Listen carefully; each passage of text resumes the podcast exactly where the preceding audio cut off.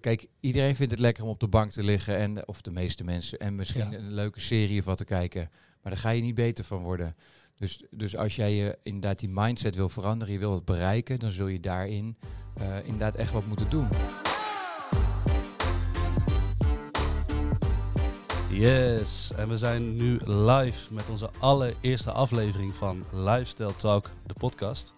De podcast voor alle nieuwtjes en alle leuke dingen omtrent leefstijl en alle factoren. Eh, ik zal me even voorstellen, mijn naam is Hessel. Ik eh, ben 22 jaar, Hessel de Brugge uit Zwolle. Ik eh, doe de opleiding voeding en leefstijladviseur. En naast mij zit Nino van der Gracht. Ik doe ook de opleiding voeding en leefstijladviseur en wij zitten in het tweede jaar. Het tweede jaar, dat klopt helemaal. En tegenover ons zit een gast. En het is niet zomaar een gast. Het is docent op onze opleiding van voeding en leefstijl, ondernemer en eh, sportman in eh, hart en nieren volgens mij. Eh, kan de gast zich even voorstellen? Ja, dankjewel. Wat een leuke intro. Mijn naam is eh, Maarten de Horst. Ik ben inderdaad een docent hier bij de voeding en leefstijlopleiding. Die wij een aantal jaren geleden gestart zijn. En daarnaast heb ik een eigen bedrijfje, een bootcamp, outdoor bedrijfje. Plus een gezin. En eh, inderdaad, ik, eh, ik kan niet leven zonder sport. Dus dat, eh, dat klopt inderdaad, ja. Dat klopt. Nou, fijn om te horen dat je erbij zit. Nou, wij zijn natuurlijk zelf ook echte sportmannen en eh, ja, we hopen er ook weer veel van te kunnen leren, ook met onze podcast. Eh de onderwerp van vandaag is eh, nou, eigenlijk wel een diep onderwerp. Eh, We gaan het hebben over mindset. Eh, mindset inderdaad. En dan eigenlijk mindset en dan eigenlijk met het kopje van hoe neem je de regie in eigen handen. Ehm, het is wel een diep onderwerp. We vonden het wel een mooi onderwerp om mee te beginnen. Om zo eigenlijk een beetje onze podcast ook eh, ja, als eerste aflevering een goede aflevering gelijk te hebben. Want wij zijn ook heel benieuwd hoe jij eigenlijk de regie in je eigen handen neemt. En hoe jij je mindset eigenlijk eh, nou, zo gekregen hebt hoe je hem nu hebt. Mhm. Ja, nou, mooi, eh, mooi onderwerp om daar direct mee te starten. De regie, ja, ik, dat heeft ook heel wat jaren natuurlijk gekost. Ik ben inmiddels eh, 41. Dus eh, ik heb daar ook eh, jaren over gedaan om het eh, uit te proberen, trial and error. En met alles wat ik doe, hè, dus het gezin, het bedrijf en natuurlijk vier dagen in de week docent zijn, vraagt het wel wat plan planningen vooral. Dus ik, ik plan heel veel. Ik probeer alles van tevoren goed af te hebben. Hè. Dus als de kinderen dingen hebben, ik leg het liefst s'avonds alles al klaar. Dus ik probeer dat, dat ik de controle daarover heb. Dat ik die dingen dan los kan laten. En de, de echte de tijd die ik eh, over heb, of dat er misschien eh, onverhoopte dingen langskomen, dan kan ik daar eh, dan ook tijd aan geven. Hè, want ik ben ook wel iemand die ja, soms een, beetje chaotisch kan zijn, waardoor ik heel veel dingen door elkaar wil doen. En de rust in mezelf bewaren en vooral in mijn hoofd bewaren, doe ik dan met name door dat dus te plannen en dat ik ook de zaken eerder los kan laten of tijd kan geven aan andere zaken die eh, op dat moment ertoe doen. Nou, het is eigenlijk ook wel heel mooi dat je hem gelijk eigenlijk al een beetje inkomt. Want we hadden ook al de vraag eh, hoe je het combineert met je dagelijks leven en met je drukke leven vooral. Eh, nou ja, ik denk als, als ik naar Nino kijk, dat hij ook wel ja, hetzelfde heeft als ik. Ik ben ook iemand die heel graag nou, zijn dingen al klaarlegt van tevoren en heel erg veel plant. En ook wel soms moeite heeft met plannen, maar bijvoorbeeld een vriendin hebt die me ook heel goed bij, daarbij helpt. Hoe zit het met jou, Nino? Ja, ik eh, heb hetzelfde. Ik denk dat voorbereiding heel belangrijk is. Ehm, is een beetje structuur in het leven. Daardoor ga je toch wel die chaotische mindset uit je leven krijgen. Dus je krijgt meer de rust in je, in je hoofd, zeg maar. Dat heb ik zelf wel gemerkt op een gegeven moment. Eh, in de eerste klas was dan ben je in puberteit. Dan, eh, dan is het heel moeilijk om alles op een rijtje te hebben. En toen ging het ook niet heel goed met mij. En toen eh, ben ik gewoon begonnen met een beetje, nou, stapje voor stapje, mijn leven op een rijtje te zetten van dit sporten, eh, wanneer ga je dit doen, wanneer ga je dat doen. En op een gegeven moment dan heb je dat op een rijtje en dan voel je die rust. En dan gaat alles ook een stuk beter. Dan gaat het thuis beter, dan heb je minder ruzie. Eh, de doelen in je leven die gaan beter. Je hebt gewoon een beetje een plan en daar word ik zelf wel blij van. Ja, ja, heel herkenbaar ook, vind ik ook. Dat, dat plan wat je zegt, dus, je, dus ook, ook al, het hoeven inderdaad geen grote stappen te zijn, maar hè, kleine stapjes. Ik ben nu ook met een groep mensen in een, in een soort 100 dagen challenge bezig. Dus dat eh, kleine doelen, hè, gemiddeld eh, kost het 66 dagen om een gewoonte te veranderen. Dus als je in een, in een, een oude of minder gezonde of goede gewoonte wilt veranderen, dan heb je daar even de tijd voor nodig. Hè. Dus dan heb je in ieder geval twee, drie maanden heb je, moet je daar tijd aan geven. En dat is soms best wel eh, moeilijk. Hè? Als jij eh, in één keer geen koffie meer wil drinken. Ja, en eh, dat is wel een hele lastige als je gewend bent om dat s ochtends te doen, dat je, daarmee, dat je daarmee opstart, om dat dan niet meer te doen. Dus het is ook wel belangrijk van, oké, ik, deed, ik deed altijd dat, dat is meer een ongezonde gewoonte. Maar daar zit ook een mindset aan natuurlijk, hè, van ja, ik wil dat graag, of dat vind ik lekker, of terwijl je weet dat het misschien niet goed is, om dan toch iets anders daarvoor in de plaats misschien te nemen, of het te kunnen negeren. Nou, dus daar moet je best wel ja, sterk voor zijn. Ja, absoluut. Ja, en nog even om terug te komen op jou. ehm, die 60 dagen, waar komt dat vandaan? Heb je dat van een onderzoek? Eh, hoe? Ja. Ja, je hebt onderzoeken hè, eh, eh, tussen de eh 18 en 123 dagen Ja. kost het gemiddeld om een gewoonte te veranderen, blijkt het onderzoek. Nou, en 18 dagen is dus echt wel voor de mensen die echt heel hard daarvoor kunnen gaan en die dat, dat de intrinsieke motivatie er ook al is. En eh, mensen die veel meer moeite hebben of een hardnekkige gewoonte of verslaving of iets dergelijks hebben, dan duurt het over het algemeen dus veel langer nog dan die 66 dagen. Maar gemiddeld genomen heb je dus echt wel ja, ruim twee maanden de tijd moet je nemen om iets te kunnen veranderen. Ja, want, want eh, hoe erg merk jij het verschil tussen mensen die intrinsiek gemotiveerd zijn en mensen die dat niet zijn? Zie je dan ook dat de mensen die wel gemotiveerd zijn het een stuk sneller oppakken dan de mensen die dat niet hebben? Ja, kijk, eh, mensen die eh, heel erg gemotiveerd zijn, dus intrinsiek eh, graag willen, die doen eigenlijk alles eraan, die stellen alles in het, in het teken daarvan, om, om dat te veranderen. En mensen die eh, dat niet echt willen of die bijvoorbeeld gedwongen worden. Hè? En je ziet het ook wel misschien in de klas bij jullie of bij studenten zie ik het ook wel. Studenten die echt voor de opleiding kiezen en echt willen gaan. En wat je aangeeft, nou die plannen het van tevoren, die leggen het klaar. Die ze, ja, dan merk je verschil in een student die misschien niet helemaal op zijn plek zit. Of, of een eh, klant bij mij die eh, moet sporten in plaats van dat hij dat zelf echt wil. Dus dan ehm, zijn de, stapjes moet je nog kleiner maken. Of ervoor kiezen, nou dit past niet bij je, dit doel is te groot of het past niet, dus we moeten iets anders kiezen. Nou, ik vind het wel mooi wat je zegt, want ik denk dat alles namelijk begint bij die mindset om te denken van ik wil iets, dus ik streef erna en ik zou er alles aan doen om dat doel ook te gaan halen. Want ik denk dat dat ook de enige manier is om eigenlijk daar te komen, ook om dat zo op die manier te doen. Maar je hebt nu eigenlijk, ehm, eh, je hebt het nu over intrinsieke motivatie, dat is zeg maar een factor van mindset. Ehm, wat is volgens jou nog meer factoren die invloed hebben op je mindset? Ja, en die intrinsieke motivatie komt misschien wel ook voort hè, uit een bepaalde mindset. Want het, het zit natuurlijk uiteindelijk bijna alles hè, tussen je oren of je iets wel of niet kan. of je eh, gemotiveerd bent of niet. Ehm, dus ik vind mindset, ja, het is natuurlijk de gedachte die je hebt bij een bepaalde situatie. Dat is eigenlijk letterlijk wat mindset is. Ehm, dus jij, je, kan het iets heel positief bekijken of eh, minder positief. Hè. Dat, dat is natuurlijk het voorbeeld met wat pessimistische en eh, eh, positieve mensen. Ehm, dus het is ook de manier waarop je naar een situatie kijkt en daar ook mee omgaat. Hè. Jullie hebben, we hebben ook een van de keuzedelen dat we bijvoorbeeld bezig zijn met eh, een fixed mindset of een growth mindset. Hè. Dus zit je helemaal vast eh, in je gedachten, bekijk je het eigenlijk wat negatiever en eh, minder goed. Of kun jij daaruit komen? Kun je dingen makkelijk loslaten? Ehm, kun je kijken naar de mogelijkheden? Nou, dat is natuurlijk wel een, iets wat heel erg met mindset te maken heeft. Ja, mooi. Want ik denk, eh, als je het hebt over eh, fixed en, eh, en growth mindset, dan denk ik dat het ook heel erg eh, gaat om hoe je met, bijvoorbeeld met tegenslagen omgaat. Ja, Want ja. tegenslagen is natuurlijk iets hè, wat iedereen in zijn leven heeft. Wat iedereen wel een keer tegenkomt. Hoe, hoe ben jij zelf met die tegenslagen omgegaan die jij in je leven ooit bent tegengekomen? Of die je nog gaat tegenkomen? Wat is jouw manier van, van handelen daarin?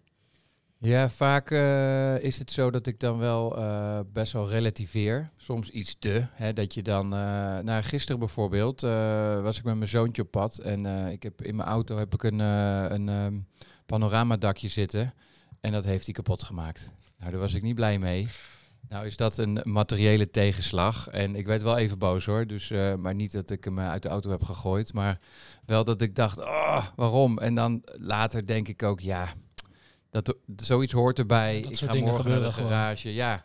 En, eh, en dan gaan we dat ook wel weer, eh, gaan we dat ook weer oplossen. En als je grotere dingen eh, in het leven hebt, dan heb je wellicht ehm, Ja, dat je, dat je daar wat meer tijd voor nodig hebt. Hè? relaties die uitgaan of, of dingen waar je tegenaan loopt, dan, dan zul je daar wat meer tijd aan moeten besteden. Maar wel, wat ik wel veel doe, is proberen inderdaad te relativeren, los te laten en dan dat op die manier eh, Ja, aan te gaan. dat is ook wel heel belangrijk, denk ik. En dan, Nio, als ik naar jou kijk, eh, wat is jouw manier van verwerken of wat is jouw manier om een tegenslag eh, om daarmee om te gaan? Ehm, ja, dat is best wel een confronterende vraag. Eh, vroeger kon ik daar helemaal niet mee omgaan met tegenslagen. Ik vond het heel lastig, zelfs twee jaar geleden nog. En eh, op het moment toen ik, eh, denk ik, echt de grootste tegenslag in mijn leven heb gekregen, dat was eh, eh, twee jaar geleden. Toen lag ik in mijn bed, toen was ik een week ziek. En ik had helemaal geen doel in mijn leven en alles ging slecht. Ik had eh, ruzie met mijn moeder. Dus eh, uit huis gezet en toen ben ik dan bij mijn vader gaan wonen. En eh, dat heeft me wel even tot het besef laten komen dat ik, eh, dat ik iets moest in mijn leven. En dat ik wel een doel voor ogen moest hebben om vervolgens verder te komen. Want anders kom je dus nergens.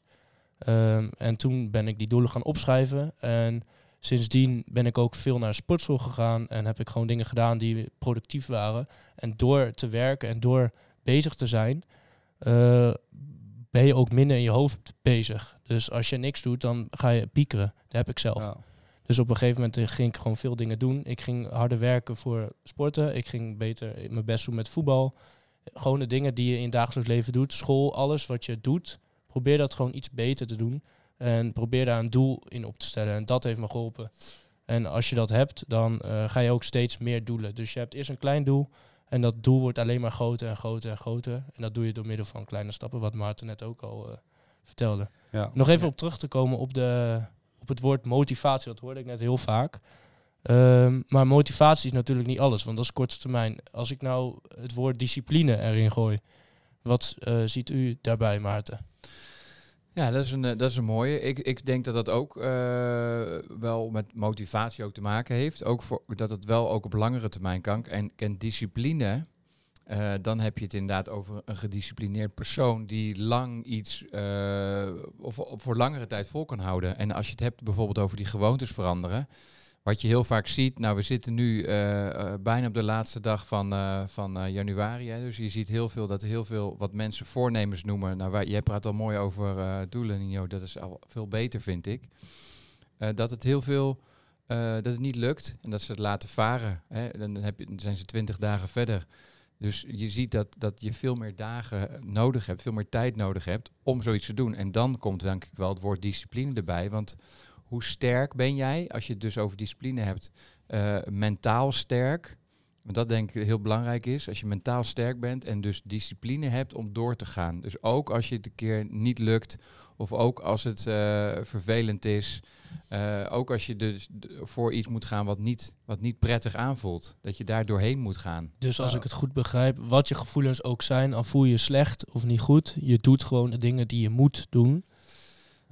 Ja, meestal wel. Kijk, eh, je moet natuurlijk wel afvragen. Kijk, ik heb zelf bijvoorbeeld ook, eh, als je het over, over mindset hebt, maar dat is even een klein zijsprongetje dan. Ehm, als ik heel, mijn lichaam voelt moe, maar ik moet van mezelf elke dag eigenlijk even sporten. Wel afgestemd op elkaar.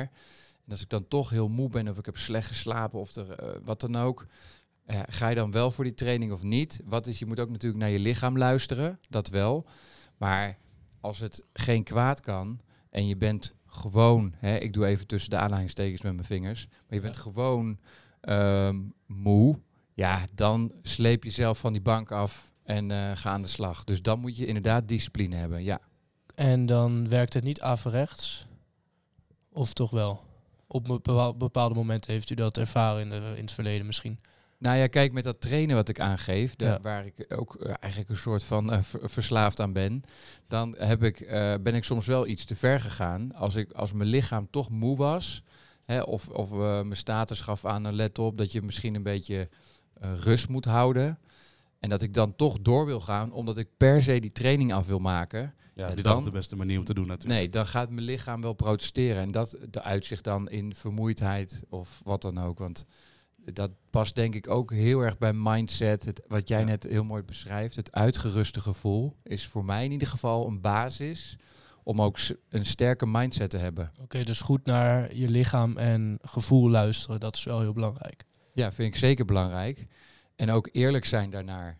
eh, naar je gevoel. Dus eh, niet van, eh, hè, ja, nee. Kijk, iedereen vindt het lekker om op de bank te liggen. En, of de meeste mensen. En misschien Ja. een leuke serie of wat te kijken. Maar daar ga je niet beter van worden. Dus, dus als jij je inderdaad die mindset wil veranderen, je wil het bereiken, dan zul je daarin eh, inderdaad echt wat moeten doen. En dat zorgt uiteindelijk ook weer voor dat je andere doelen wellicht ook kunt bereiken. Dat je eh, daarmee aan de slag kunt. Ja, want het is dan eigenlijk, als je het hebt over stap voor stap, dan is die, dat eigenlijk een van, de, een van de stappen om het grotere doel te bereiken. Want Mhm. eigenlijk is het, eh, het structuur en, en, een, en een, eh, een plan hebben, is eigenlijk al eh, de eerste stap om je doelen die je verder hebt weggesteld, om dat eigenlijk al te bereiken. Ja. Want Ja. het kan een, een hulpmiddel zijn om ja, eigenlijk verder je doelen te bereiken. Ik heb bij mezelf wel eens gemerkt, dan heb je een doel voor ogen en dan denk je, het doel is veel te ver af, is veel te ver. Hoe, hoe kan ik mezelf daar zien over Nee, twee, drie jaar? Dat is dan heel confronterend. Dat is best lastig om mee om te gaan. Want je wilt er dan graag uitstellen. Want je denkt toch dat, er, dat, het, dat het niet te bereiken is. Dat het onmogelijk is. Maar als je dus wel stapje voor stapje het gaat doen. En je gaat in mogelijkheden kijken. En dus alles positief zien. En niet in, eh, ja, in, in een moeilijk, eh, moeilijke oplossing. Maar probeer het juist op te lossen op bepaalde momenten. eh, als het slecht gaat. En dan ga je het dus wel bereiken. Maar dan moet je wel stap voor stapje doen. Ja. Ja. en inderdaad, dat trots zijn op wat je dan hebt bereikt al, ook al is het klein, dat geeft natuurlijk een positieve ervaring, waardoor je weer door kunt. Ja, die boost. Ja, ja precies. Ja. En dat je het ook, ook hè, ehm, eh, je hoort ook veel over opschrijven, hè, eh, het dankbaarheid zijn, dus ergens dankbaar om zijn, dat je ook af en toe terugkijkt. Dat eh, is iets wat ik zelf in ieder geval wel nog meer mag doen, dat ik af en toe ook ga terugkijken van, nou, wat, wat, hoe was het vijf jaar geleden? Wat wilde ik toen bereiken? Als je nu vraagt, eh, waar wil je over vijf jaar staan? En je zou dan die vraag over vijf jaar weer stellen en je zou terugkijken wat je dan allemaal bereikt hebt. Ja, dat is natuurlijk wel heel erg mooi. Ja. En, eh, en eh, om daarop op in te haken, heb jij nog doelen die jij bijvoorbeeld over vijf jaar, die jij nu hebt gesteld dat je over vijf jaar graag wil bereiken? Heb je nog persoonlijke doelen? Nee, ik, ik op ja, persoonlijke doelen. Ik heb in ieder geval op het gebied van, van, van het bedrijf wat ik wil uitbreiden richting echt een, een outdoor gym. Dat zou ik echt wel Oh, eh, cool. gaaf vinden. Ehm, binnen het onderwijs eh, zou ik ook wel meer willen, eh, anderen willen aansturen of, of willen opleiden. Of mensen in een, we hebben laatst met een collega heb ik een gezondheidstraject gedaan over vitaliteit bij Isala klinieken. Was ook super interessant, dus daar krijg ik ook heel veel energie van. Ja, en van gewoon voor de klas staan met de studenten. Ja, ook. Hè, het is wel rondom vitaliteit. Eh, ja, dat, krijg ik. eh, dat is wel ook mijn passie. En daarnaast, ja, eh, mooie reizen maken met het gezin. Ook korte tripjes maken. Hè. Ik voor dit jaar ook wat dingen staan. En dan, dat wil ik ook uitbreiden.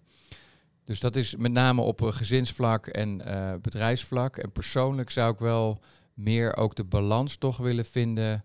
De rust willen vinden tussen ehm, het werkzame gebeuren. Hè. Dus de dingen die moeten, ook al geeft het wel energie, maar dat je wel bezig bent. En tussen het eh, af en toe even terugtrekken of de rust zoeken of gewoon even ademen, zeg maar. Die, die balans. Dat is Ja. wel iets wat de komende jaren ook. eh, Oké, dat is heel mooi. Staat. Maar zeker mooi om te horen. Ik hoor jou ook het woordje vitaliteit zeggen. Ja. Eh, nou, dat is natuurlijk ook wel waar onze podcast ook heel erg wel over gaat. Want als je nu kijkt naar de huidige maatschappij, vind je dat de mensen tegenwoordig nog vitaal genoeg zijn of dat, dat er nog aan gewerkt zou kunnen worden? Ja, ik denk dat er altijd aan gewerkt kan worden. En eh, dat het wordt al steeds ehm, normaler. Hè? Het, vi- het vitale gebeuren, dus het, het sporten, het gezonde eten wordt wel gepromoot. Maar er is nog steeds natuurlijk, en het komt ongetwijfeld terug in jullie podcast die jullie maken, eh, heel veel ongezonde voeding. Hè? Dat 80% van de supermarkt is nog steeds ongezond. Dus dat, mensen wel daarmee bezig gaan. Maar als ik kijk wel in mijn omgeving, dan is er wel, wordt er wel steeds meer gedaan aan vit- vitaliteit. En er zijn steeds meer bedrijven waar je ook eh, kunt sporten onder werktijd. Of dat ze iets aanbieden dat je kunt, in ieder geval kunt bewegen. Er zijn beweegplannen mogelijk. Dus ik denk dat het st- steeds wel wat meer komt. Eh, maar aan de andere kant zitten we wel met dat eh, meer dan de helft van de Nederlanders eh, met overgewicht kampt. Dus er is nog steeds zeker een hele grote slag te slaan. Absoluut. Nou, ik denk het ook wel. Ik denk dat er sowieso altijd wel een verbetering voor, voor voor is, denk ik. Maar je bent natuurlijk zelf ben je docent en, en leraar. Denk je dat je met jouw huidige beroep, dat je daar ook meer mensen mee kan aanspreken om toch wel te bewegen? Omdat je ook wel een, opleiding lesgeeft waar veel in bewogen wordt en waar veel mee gedaan wordt? Ja, dat is een, dat is een mooie vraag. Kijk, uh, ik hoop zeker veel jongere studenten um, te, te, motiveren om ook uh, een, een maatschappelijke functie, een, een, voorbeeld te zijn. Dat probeer ik zelf ook te zijn in ieder geval. En ik hoop dat over te kunnen brengen, zodat zij ook hun passie vinden. Nou, dat zie ik bij jullie al, als je een voorbeeld neemt, hoe, je, hoe gepassioneerd jullie zijn, maar ook dat je dingen kunt delen, dat je dingen uh, samen kunt doen. En dat je op die manier onderwijs vormgeeft. Dat je in bepaalde projecten werkt. Dat je ook echt uh, naar, uh, naar bedrijven bijvoorbeeld toe kan gaan om daar direct toe te passen wat je geleerd hebt. Nou, dat zijn natuurlijk hele mooie dingen die, die de zaken die je over kunt dragen. En die de studenten of de jongeren ook weer over kunnen dragen. Ja, ja zeker. Uh, Hessel, gaan we verder? Wij gaan, wij gaan verder, zeker. Um, ja, want als jij, eh, je, je kijkt bijvoorbeeld naar je eigen kids, uh, je, je, hebt kinderen. Ja. Um, uh, vind jij dat je kinderen genoeg aan beweging doen? Ja, uh, ik heb twee kinderen, 11 en 8, twee jongens. die zijn behoorlijk veel in beweging. Nou moet ik wel zeggen dat de oudste al steeds meer die telefoon krijgt. Hij heeft de telefoon en ik merk wel, zodra hij dat ding heeft, dat hij veel meer stil gaat zitten. Ik denk dat dat ook uh, bij de, de generatie hier op uh, Deltion ook, en ook andere scholen natuurlijk, maar die leeftijden, dat dat ook uh, een probleem is. Ik ervaar dat in ieder geval wel als een probleem. Dus continu uh, die telefoon pakken en daarmee bezig zijn. En als we relateren aan het onderwerp mindset, dat hè, als ik nu mijn telefoon open en ik ga scrollen op uh, social media en ik zie uh, allemaal dingen die ik interessant leuk vind, maar ook andere mensen die hele leuke, gave dingen doen die ik eigenlijk ook nog wel erbij zou willen doen, dan kan het er natuurlijk voor zorgen dat je een beetje in een minder positieve sfeer komt, omdat zij dat hebben en jij niet bijvoorbeeld. Nou, en dat is, dat hoop ik dat hij dat niet krijgt, als we weer terugkijken naar de, naar de kids. Um, dus ik moet bij hem wel echt schermtijd instellen. Dat dat ophoudt en dat hij dan ook naar buiten gaat met zijn vrienden. Nou, ik vind het al goed om te horen dat jij in ieder geval schermtijd uh, uh, instelt. Want ik denk als je kijkt dat het wel een van de grootste maatschappelijke problemen zijn. Ja. Als je het hebt over dat kinderen te veel binnen zitten, uh, te veel op een telefoon. Ik zie het zelf thuis ook. Ik heb een ja. broertje van zeven jaar. Nou, die heeft ook zijn telefoon al. Die heeft zijn eigen telefoon al. Dan zie je toch al wel dat het echt heel veel invloed heeft. Of of die boys even lekker naar buiten gaan. Of dat ze dan toch eerder binnen blijven, omdat ze dan toch uh, dat spelletje willen spelen of spelletje willen afmaken. Het wordt heel snel een verslaving ja, waar je heel moeilijk vanaf komt. Tegenwoordig gaan ze ermee naar bed en staan ze ermee op. Ik vind het wel zeker een thema om meer aandacht aan te moeten besteden ja. eigenlijk, want het is best wel zorgelijk. En ja, Maarten, om nog even terug te komen, um, over die mindset dan. Hè. Denk je dat, uh, um, dat de generatie, dus van uw kind en verdere generatie, die, de nieuwe generatie, dat die een zwakkere mindset krijgen? Misschien wel door de, de sociale media, dat ze wat zwakker zijn of wat minder, uh, wat, ja, wat minder, wat minder kwetsbaar. Ja. Mm -hmm. Wat meer kwetsbaar. Nee, ze krijgen in ieder geval veel meer prikkels binnen dan dat ik bijvoorbeeld vroeger kreeg. Uh, en nog ver daarvoor komen waren er nog minder prikkels. Dus je, je brein staat wel continu aan. En dat heeft ook natuurlijk wel met die mindset te maken. Hè? Want als je veel uitgeruster brein hebt, heb je, kun je ook meer tijd nemen om keuzes te maken, om uh, dingen te doen um, die, die aandacht vragen. En nu zijn ze snel, eh, als ik dus kijk naar hoeveel telefoongebruik, sommigen zitten zo zes, zeven uur per dag op een telefoon. Hè? Dus, dus, en, en wat doe je dan, zeg maar, als je, er dan, als je het echt nodig hebt, afgezien van de houding die al heel slecht is voor je nek, maar vooral je brein dat continu aanstaat, waardoor je weer slechter slaapt. Nou, dan, dan hebben we het over een negatieve uh, spiraal. Spiraal, spiraal, ja. ja precies. Ja. En dus die mindset, ik denk dat, uh, dat ze um, niet per se minder sterk worden, dus zwakker worden in de mindset, maar dat ze moeten wel getraind moeten worden om uh, die verslaving tegen te gaan. Want het is, het is gewoon echt uh, een, een heel lastig, lastig middel, een lastige verslaving. Dus ja. niet per se zwakker worden, maar wel um, beter leren omgaan. Er moet wel iets aangedaan worden. Ja, dat denk ik absoluut. En, ja. en als je kijkt over, we hebben het natuurlijk over een stukje beweging wat dan eigenlijk ontbreekt, maar als je kijkt op het sociale vlak, dat kinderen gaan nou, wordt een stuk minder geleerd om ook met andere kinderen, kinderen om te gaan, omdat ze meer op hun telefoon zitten. Veel meer onzekerheid. Ja, ook. Dat is misschien wel een gevolg van, denk ik. Mhm. Uh, hoe, hoe kijk jij er tegenaan? Denk je dat dat ook een grote impact heeft op het sociale uh, vlak van de kids? Ja, uh, nou kijk, deels is de communicatie ook online, hè. Dus uh, als ik uh, heb... Ja, ik bedoel dan echt het fysieke contact, zeg maar. Ja, oké. Het, het, het, hoe wij nu tegenover elkaar ja. zitten, op die ja. manier meer. Nee, ja, dat neemt natuurlijk af. Want Ja. als je meer op je telefoon zit, dan zijn ze bezig met... eh, met eh, eh, Snapchat wordt nu volgens mij bij hem in de groep gebruikt als, als, als ik WhatsApp gebruik, zeg maar. Gewoon als communicatiemiddel. Maar daar Ja. zitten ook allemaal fotootjes en... Nou, ik weet niet precies wat er allemaal voorbij komt, maar op die manier... Hè, als ik nu vraag naar een vri- loop naar even naar een vriendje vier verderop, of die thuis is. Ja, je kan toch even, doe even mijn telefoon, stuur ik even een berichtje. Ja, dat is eigenlijk, en het, ik snap ook wel, want eh, wij zijn als mens natuurlijk gewoon eigenlijk lui. En eh, we willen het meeste gemak hebben. En dat, dat is dan logisch, dat je even een berichtje doet of die er is. Dus dat, dat neemt dat buitenkomen en dat bewegen neemt echt af. Dus ik denk echt dat we de komende jaren daar wel, ja, daar gaan we wel problemen mee krijgen. Ja. Ja. En eh, ja, dat hele dilemma, moeten we het dan gewoon accepteren dat de jongeren eh, nu alles meekrijgen van huis, telefoon, iPad, computer, dat dat gewoon nu het nieuwe normaal is? Of moeten we er wel iets aan gaan doen? Dat, dat is best lastig, want het, komt, het wordt alleen maar meer en meer. En omdat iedereen, elk kind het krijgt, zijn er... eh, Elk kind die wil dat ook hebben. Dus elk kind gaat dan aan de ouders vragen van mag ik dat hebben? En anders voelen ze zich... Het is ook Minder. een soort sociale druk, denk ik. Ja. Kinderen voelen de Ja. druk om, om erbij te horen. Dus moeten ze ook een telefoon hebben. Precies wat jij zegt. Ja, en daar zijn ouders, en dan kijk ik naar mezelf, eh, ook gevoelig voor. Want ik wil niet dat hij in groep 8 is, eh, heeft iedereen heeft dus al een telefoon met een simkaart. En in, we hadden wel afgesproken van oké, in groep 8 krijg je dat ook. Dus hij heeft dat in de groep 8 gekregen. Maar nu begint die andere zit in groep 5, die begint eigenlijk ook al. Ja. Dus het, inderdaad, precies wat je zegt, dat komt al eerder. En je wilt er toch ook als ouder in mee. En daar is het ook een beetje het probleem. Hè. Je ziet veel eh, ouders die werken en dan de vader en moeder, of vader en vader, moeder en moeder, wat dan ook, die werken ook vaak allebei. En het is soms ook lekker makkelijk, hè? Ja. Want eh die jongste bij mij is echt super druk.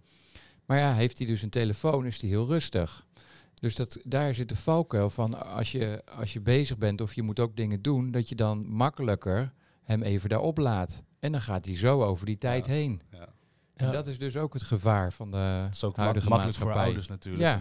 Ouders die kunnen even, hebben even een beetje voor ontspanning of hebben Ja. een beetje voor hunzelf. Ja. Kind zegt lekker op de telefoon. Ja, het is wel makkelijk natuurlijk eh, om Ja. al die tijd eh, Ja. te voldoen natuurlijk. Ja. En de kids die raken alleen maar meer verslaafd. in Ja, die hoor je verder dan niet. Nee, nee. Nee. nee. Eh, kijkend naar de tijd zitten we al aardig eh, richting het half uur. Eh jij hebt zo meteen nog een afspraak, dus we gaan hem zo meteen rustig aan afronden. Om nog eventjes terug te pakken op het onderwerp mindset. Nou, daar is natuurlijk gelukkig zijn ook een, een mooi onder, onderdeel Mhm. van. Kun jij zeggen dat je nu op dit moment gelukkig bent? Ja, ik ben eh, in de basis gelukkig, zeker. Ja, en ik vind het altijd een moeilijk eh, te beantwoorden vraag, of moeilijk. Hè? Wat, wat is geluk? Daar kun je natuurlijk ook een hele podcast nog over maken, of meerdere. Misschien moeten we dat maar een keer gaan doen. Ja, dat is wel een Ja. hele mooie, Ja. mooie vraag. Hè? Dus daar, daar zijn natuurlijk ook, er wordt ook, ook veel over geschreven, heb ik ook veel over gelezen. Ik denk dat in de basis dat je de dingen doet die je leuk vindt. En dat je met de mensen bent die je leuk vindt. En dat je in die zin eh, het naar je zin hebt. Dat je de energie krijgt. Dat je in ieder geval energie overhoudt aan het einde van de dag. En niet helemaal eh, eh, stuk ligt te gaan. Dus in die, in die zin ben ik wel gelukkig. Ja, Ja. ja zeker. Mooi om te horen. En dan Ja. Nio, ben jij eh, gelukkig in jouw leven? Ben je gelukkig met wat je op doet? dit moment ben ik eh, zeker gelukkig, maar het kan altijd beter. Dus als mens wil je denk ik ook altijd meer en meer en meer. Dus eh, in dat opzicht ben ik wel gelukkig, maar nog niet hoe ik me over tien jaar wil voelen. Dan wil ik wel een stukje meer vrijheid. Ik denk dat vrijheid een hele grote rol speelt. Dus Eh. meer onafhankelijkheid. Dat vind ik zelf Ja. heel belangrijk. Ja. Ja, en je zegt ook wel mooi, hè? En dat is er misschien ook wel. Jullie komen allemaal op nieuwe onderwerpen voor de podcast hier. Maar meer, Ik meer, moet gewoon nog een keer langskomen maken. Ja, we ik willen denk, gewoon eh, altijd ook ja. meer als mens. Ja. En vaak, hè, en dan heb ik, eh, heb je, heb ik of je of wie dan ook, heb je bijvoorbeeld een nieuwe auto. En dan, want die wilde heel graag, en dan rij je er drie weken in. En dan denk je, ja, Ja, ja. dan zie je weer een andere auto. Dus Ja. Het is in die zin... De, de wil er naartoe is, is, is vaak Ja. belangrijker dan het echt he- daadwerkelijk hebben op dat Ja, moment. en Ja. dan Ben je, denk je misschien dat je gelukkiger bent met die nieuwe schoenen of die nieuwe auto of wat dan ook. En dat is, dat is echt kortstondig natuurlijk even, ehm, even dat geluk voelen. Maar op, la- op de langere termijn denk ik gelukkig zijn zit het toch echt wel in, eh, in andere dingen, ja. Dus ja. niet per se in materialistische dingen, maar meer in hoe je je voelt en hoe gezond je bent. En Ja, de mensen die je om je heen hebt, Ja. inderdaad je gezondheid. Gezondheid en of je, of je inderdaad eh, dingen doet waar je in ieder geval die, die in de basis leuk vindt. Dat in ieder geval En- het grootste gedeelte van wat je doet, dat het leuk is. En om daar naartoe te voegen, iedereen denkt tegenwoordig dat materialist, ma- materialisme en, eh, en, en geld alles is, maar dat is het ja, eigenlijk en niet dat gewoon. komt grotendeels door social media, denk ik. Zeker, Dus, ja. zeker. En dat is ook wel, eigenlijk wel weer een heel mooi onderwerp om naar de volgende keer op verder te gaan. Maar Ja. het is echt, eh, echt gewoon niet wat, wat, wat het, waar het leven om draait. Nee. En dat is denk ik ook wel een hele mooie afsluiter eh, voor deze podcast. ja, hartstikke bedankt. Eh, Maarten, heel erg bedankt dat je onze Jullie eerste aflevering wilde zitten. Heel leuk, heel leuk. Ja, en eh, misschien moet je nog maar een keer aanschuiven. Ja, ik eh, sta altijd tot jullie beschikking. ik eh, vind het heel leuk om langs te komen, dus ik, ik, ga ook eh, ik ga zeker luisteren naar jullie. Ik eh, hoop dat het eh, ja, groter wordt en dat jullie een mooi publiek gaan krijgen. Nou, we hopen het ook. ja, bedankt en eh, Yes. tot de volgende keer. Dankjewel. Yay.